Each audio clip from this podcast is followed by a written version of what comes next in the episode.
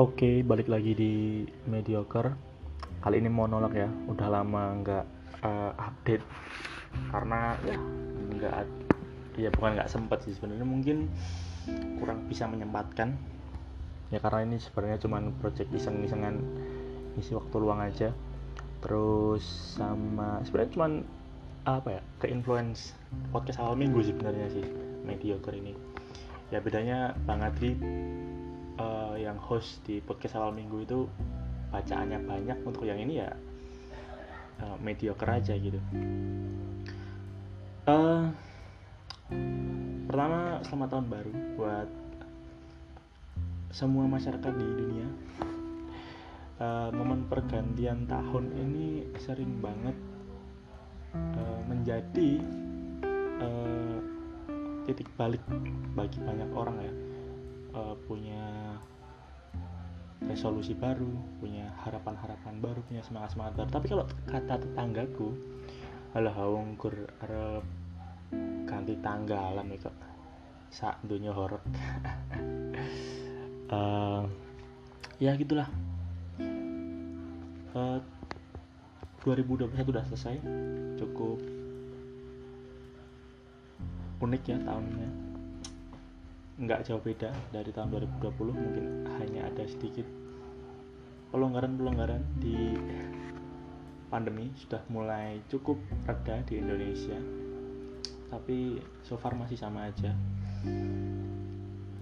Uh, hari pertama ini sebenarnya ini masih 1 Januari take nya kalau uploadnya ya terserah nanti sesempatnya.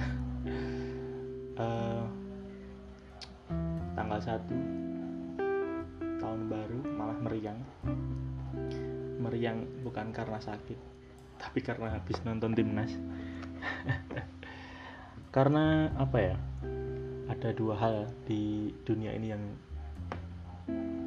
bisa bikin meriang deg-degan gelisah pusing.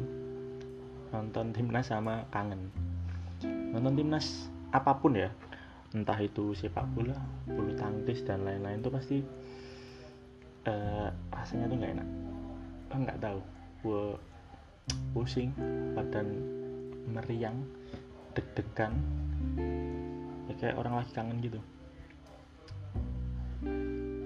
Uh, terus apa sih? Uh, ngomongin tahun baru ya.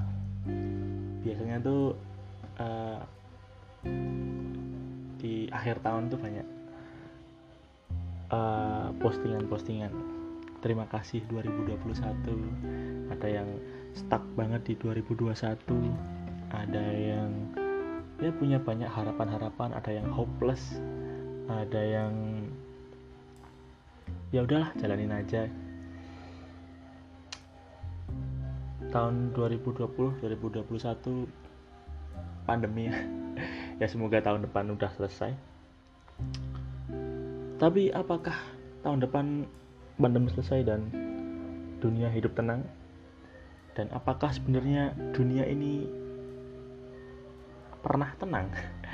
e, kalau dilihat ke belakang sebenarnya setiap tahun pasti ada aja hal-hal yang menyebalkan ya terjadi di dunia ya. Uh, apa ya yang mungkin terjadi di tahun 2022 karena oh ini nih jadi keinget.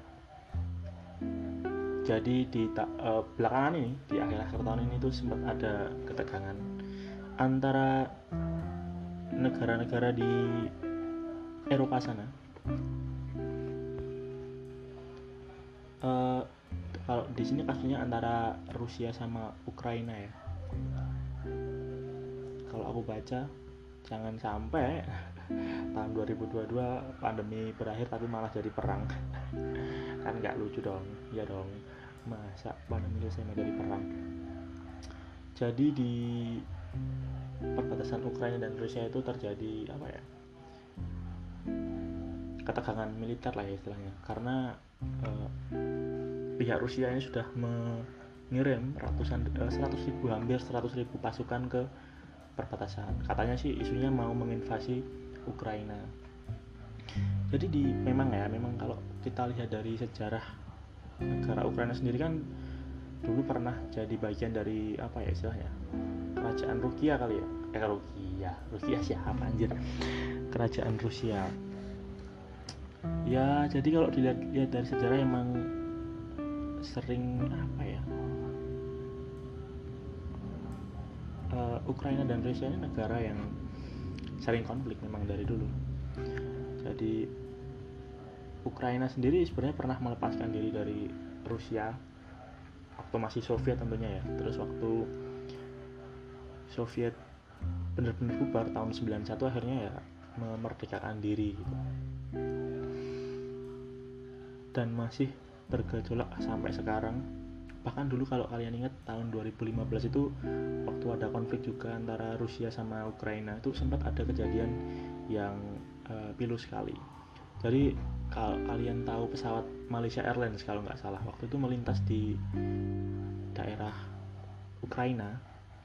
Ini aku ingat banget.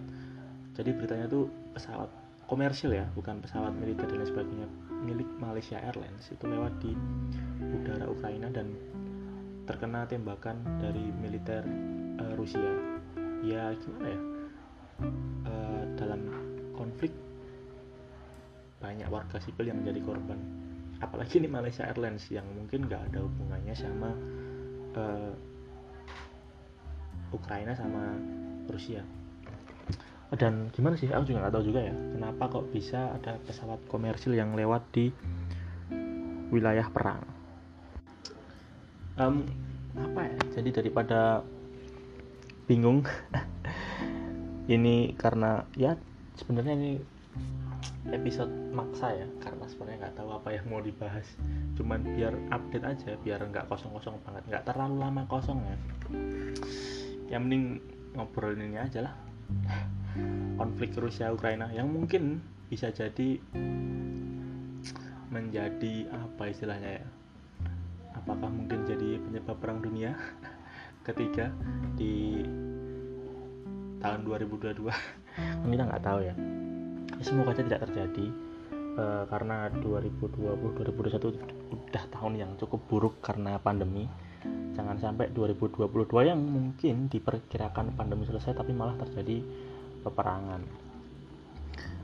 Uh, jadi memang apa namanya ya? Kalau ini tadi sempat aku baca beberapa waktu yang lalu. Uh, jadi di Ukraina ini ada tentu saja ya Ukraina ini negara yang kaya sumber daya. Biasanya kan kalau sebuah wilayah jadi konflik itu karena ada hal di belakangnya. Tentu saja katanya sih kaya mineral dan batu bara dan juga sebagai produsen gandum di Eropa. Produsen gandum terbesar terus memang sejak 2013 2014 itu udah ada konflik internal di uh, Ukraina. Terus pecah ya dalam negara itu ada yang pro Rusia ada yang pro uh, Uni Eropa. Ya terus yang pro Rusia ini jadi separatis. Ingin kan dulu kan Ukraina bagian dari Soviet terus uh, uh, sebelumnya bagian dari apa ya istilahnya itu ya? Kerajaan Rusia. Terus berubah jadi Soviet terus jadi bagian dari Soviet. Terus kemudian waktu Soviet pecah terus dia memerdekakan diri. Jadi sebenarnya dulunya bisa dibilang bagian dari Rusia. Uh, terus kemarin ya setelah itu setelah konflik berkepanjangan ya dari 2013 pecah terus uh, dari dua kubu yang pro uh, negara Ukraina, warga Ukraina yang pro Rusia ingin ya istilahnya ingin gabung ke Rusia sama yang pro Uni Eropa yang dia pengen jadi negara sendiri dan tetap bagian dari Uni Eropa. Uh, terus kemudian ya ada konflik itu terus akhirnya menyebabkan kalau terakhir aku baca yang kenapa tahun 2021 ini kembali bersih tegang itu karena yang tadi uh, anggota yang separatis yang pro Rusia ini dan beberapa militer Rusia itu dibom kalau nggak salah sama militer Ukraina. Ya terus merespons itu si Putin presiden Rusia itu mengirim e, 100.000 pasukan militer ke perbatasan Rusia Ukraina. Gila dong 100 ribu itu banyak banget loh. Kalau aku pernah lihat uh, juga videonya itu sampai tank-tank itu udah diangkuti ke perbatasan Ukraina. Naik kereta coy. Gila jadi kereta yang panjang kereta bareng gitu tapi ngangkatnya tank dan alutsista militer gitu. Ya begitulah. Sekelumit tentang konflik. Dan ini uh, tentu saja ya kalau lawannya Rusia itu kan Amerika. Dan kemarin Amerika juga sudah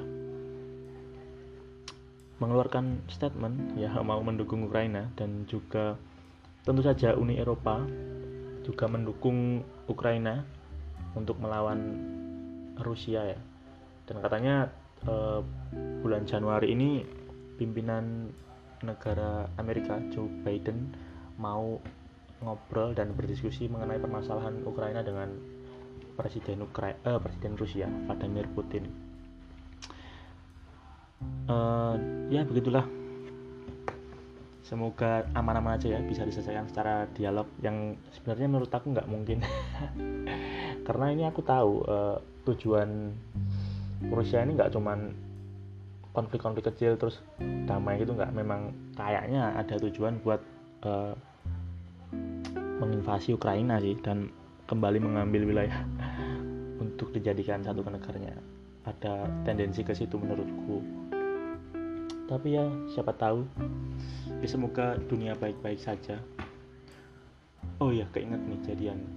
Uh, ngomongin tentang uh, Ukraina jadi keinget Chernobyl. Nah tahu Chernobyl nggak sih? Ya mungkin udah sebagian udah tahu ya karena memang uh, populer banget. Uh, jadi Chernobyl itu salah satu uh, apa ya pembangkit listrik tenaga nuklir.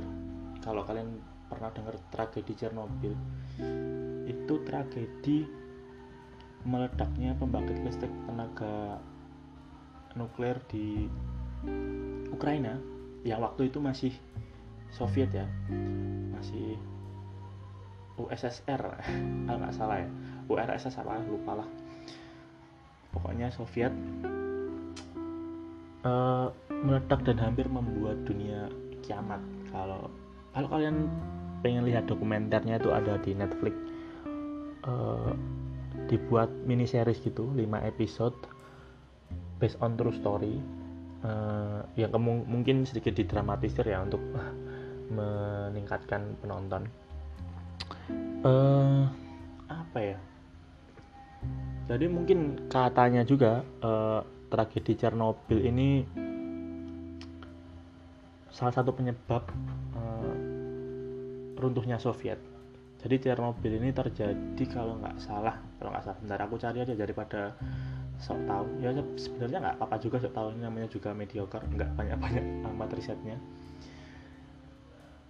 Jadi uh, Chernobyl ini kejadiannya itu tanggal 26 April 1986 dan uh, Soviet itu bubar kalau nggak salah itu tahun 91 uh, kenapa bisa jadi salah satu faktor penyebab Soviet bubar? Karena untuk penanggulangan uh, bencana Chernobyl ini sendiri itu mengeluarkan uang yang sangat banyak besar banget. Oke kita baca dulu nih.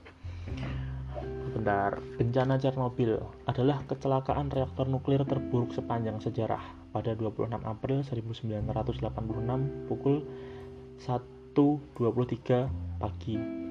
Reaktor nomor 4 di pembangkit listrik tenaga nuklir Chernobyl yang terletak di Uni Soviet di dekat Pripyat di Ukraina meledak akibat re... akibatnya isotop radioaktif dalam jumlah besar tersebar ke atmosfer uh, di seluruh kawasan Uni Soviet bagian barat dan Eropa. Bencana nuklir ini dianggap sebagai kecelakaan nuklir terburuk sepanjang sejarah dan merupakan satu dari kecelakaan yang digolongkan dalam level 7 pada skala kejadian nuklir internasional. Jadi bencana nuklir ini ada skala-skalanya. Ya ada biasa deviasi uh, skala 1 anomali, skala 2 insiden, skala 3 insiden serius dan yang ketujuh ini kecelakaan besar. coba deh kalian uh, buat yang penasaran dan pengen tahu betapa uh, mencekamnya keadaan waktu itu di Chernobyl coba tonton series uh, mini series tentang dokumenter Chernobyl di HBO judulnya Chernobyl. Itu kayak kalau nggak salah 5 episode aku udah nonton. Dan berdasarkan uh, itu uh, sebenarnya itu human error ya. Ya ada gitulah pokoknya lah. Ini dari aku yang aku pahami ya. Mohon maaf kalau salah namanya juga uh, mediocre. Ngapain juga bahas Chernobyl ya? Sebenarnya podcast bercanda malah bahas serius nggak apa-apa lah sekali-sekali dan mumpung monolog sama bingung juga sebenarnya cuman episode episode ngasal karena uh, kemarin-kemarin nggak sempet upload daripada ini nggak upload lagi kelamaan jadi kosong ya udah upload aja. Jadi lanjut lagi. Oke lanjut. Chernobyl. Kalau dari yang aku tahu uh, itu sebenarnya mau ada apa ya? Pengujian. Pengujian reaktor untuk mendapatkan nilai tertentu supaya mendapatkan izin dan mendapat dan lolos lolos uji.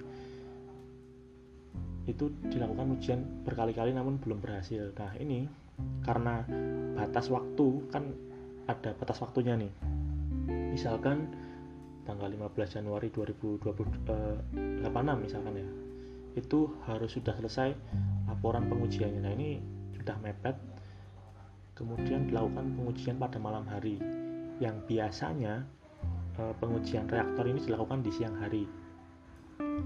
Teknisi yang paham, teknisi yang mengetahui sistem itu uh, teknisi yang siang hari biasanya. Kan ada shift siang, shift malam gitu. Jadi teknisi yang malam ini kurang paham. Sebenarnya uh, secara SOP paham, tapi mungkin tingkat keahliannya kurang ya. Uh, ini dipaksa sama pimpinannya, ya biasalah ya. Yang bisa merasakan ya cuma pimpinan untuk melakukan pengujian di malam hari. Kemudian terjadi ya terjadi kesalahan dan lain sebagainya pada pengujian. Terus karena sudah tidak stabil, kemudian ada tombol daruratnya dan sudah dilakukan sesuai prosedur sebenarnya. Kalau memang pengujiannya tidak berhasil atau ada anomali tombol darurat itu harusnya dipencet. Terus dipencet seharusnya reaktornya mati. Dan ini tidak reaktornya justru meledak dan menyebabkan apa ya pancaran radiasi yang sangat besar di wilayah itu. Uh, dan ya setelah meledak menjadi bencana dunia ya yang bisa menyebabkan kiamat. Karena nuklir ini kan panas banget ya yang jadi masalah kalau dari berdasarkan yang aku lihat dan aku baca. Nuklir ini kan panas ya. Oh oke okay. jadi buat yang belum tahu nih kita jelaskan sedikit konsep tentang nuklir. Kenapa kok nuklir bisa jadi listrik? Jadi ini uh, sok tahu aja ya cuman berdasarkan yang aku baca ya. Karena memang bukan uh, orang kimia uh, apa fisikawan atau seorang kemis. Uh, jadi nuklir itu uh, saat melakukan reaksi fisi itu menyebabkan panas. Panas yang tinggi dengan tekanan tinggi nanti digabungkan dengan air menyebabkan uap yang dapat memutar turbin kemudian jadi listrik. Intinya gitu. Intinya tetap panas ya tetap menghasilkan panas terus panasnya dengan tekanan tinggi bisa memutar turbin dan menghasilkan listrik. Intinya seperti itu. Kan ini memang Chernobyl ini pembangkit listrik ya. Nah setelah meledak tentu saja terjadi radiasi. Dan eh, kalau dari yang aku lihat di dokumenter dan beberapa bacaan eh, mengerikannya di situ tuh ada korban langsung dan ada korban yang tidak langsung. Jadi pas eh, meledak ini tentu saja yang di sekitar eh, reaktor itu korban langsung ya langsung ya keluar darah dari mulut uh, dan lain sebagainya. Kayak orang kanker dan orang udah mau mati itu kanker stadium 5 lah istilahnya. Udah nggak bisa nafas berat itu langsung dan kemudian yang tidak langsung jadi waktu meledak itu muncul cahaya uh, dari lokasi reaktor yang meledak itu ke langit itu muncul cahaya. Dan warga sekitar itu uh, melihat dari jauh gitu. Dari mungkin dari desa sebelah lah istilahnya ya. Gampangannya gitu ilustrasinya. Kita buat theater of mind nya jadi misal ada reaktor meledak muncul cahaya berwarna-warni ke langit. Kan unik gitu. Orang-orang justru keluar rumah buat nonton. Padahal ada pancaran radiasi dari ledakan itu dan tidak terlihat dong tentunya dong. Karena radiasinya kan sangat tidak kasat mata dan itu nggak langsung efek.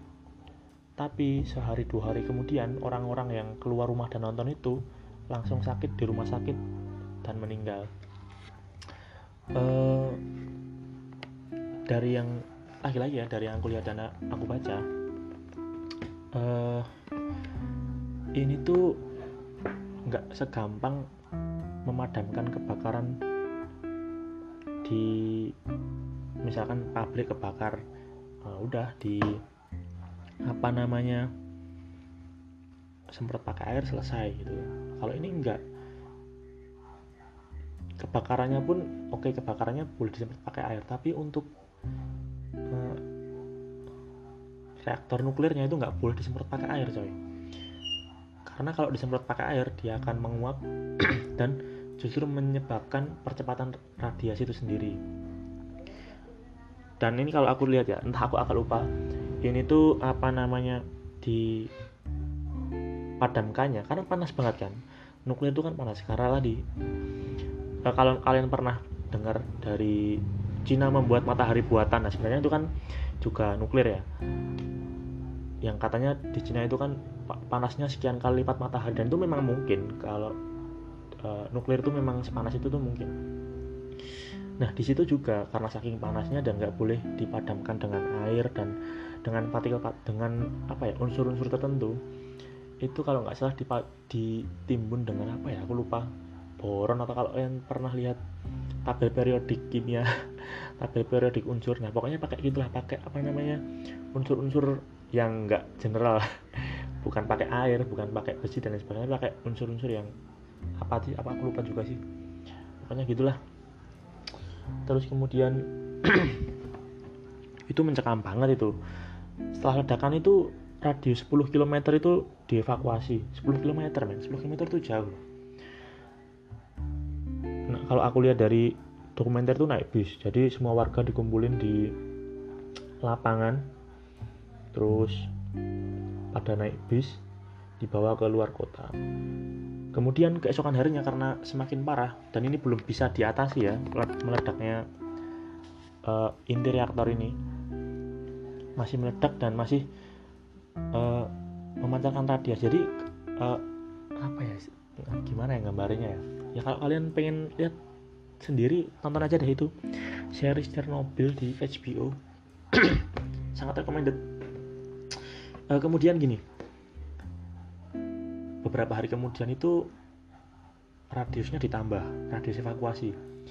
Jadi perimeter dari 30 km dari pusat ledakan itu warga semua dievakuasi. 30 km itu jauh banget loh. Uh, aku tadi sempat nyari tahu ya uh, jadi kalau dilihat kita analogikan ya di kota Solo misalkan reaktornya itu di Manahan stadion Manahan 30 km radius itu sampai ke kalau ke selatan itu sampai Wonogiri sampai ke Waduk. Kalau ke utara itu sampai ke Waduk juga Waduk Kedungombo. Kalau ke timur itu sampai daerah Karangpandan dan ke barat itu sampai ke daerah eh, Cepogo Boyolali. Sejauh itu men. Itu dikosongkan. Nggak boleh ada eh, kehidupan. Eh, terus kemudian itu sampai manggil beberapa banyak ahli fisika ahli fisika dan ahli kimia untuk menyelesaikan ahli kimia yang pasti ya uh, menyelesaikan masalah ini. Dan biaya yang dihabiskan pun juga banyak banget. Miliaran rubel ya kalau tadi aku cek kalau salah 8 berapa ya? Pokoknya kalau dirupiahkan tuh tiga setengah triliun. Tapi kurs waktu itu ya tahun 86 eh, ya tiga setengah triliun 86 itu kan berapa berapa du, berapa duit itu kalau sekarang. Uh, terus dan korbannya itu banyak banget. Terus paling apa namanya dramatis itu waktu misi pengambilan pecahan-pecahan tabung inti reaktor yang tersebar kan meledak ini tabungnya kan meledak. Nah tabung yang meledak ini kan menjadi sumber radiasi. Kan tersebar. Nah ini harus dikumpulin terus dibuang ke bawah kemudian nanti ditimbun pakai unsur-unsur tertentu yang tadi saya bilang. Pakai unsur-unsur yang apalah aku lupa unsurnya. Pokoknya kayak gitu.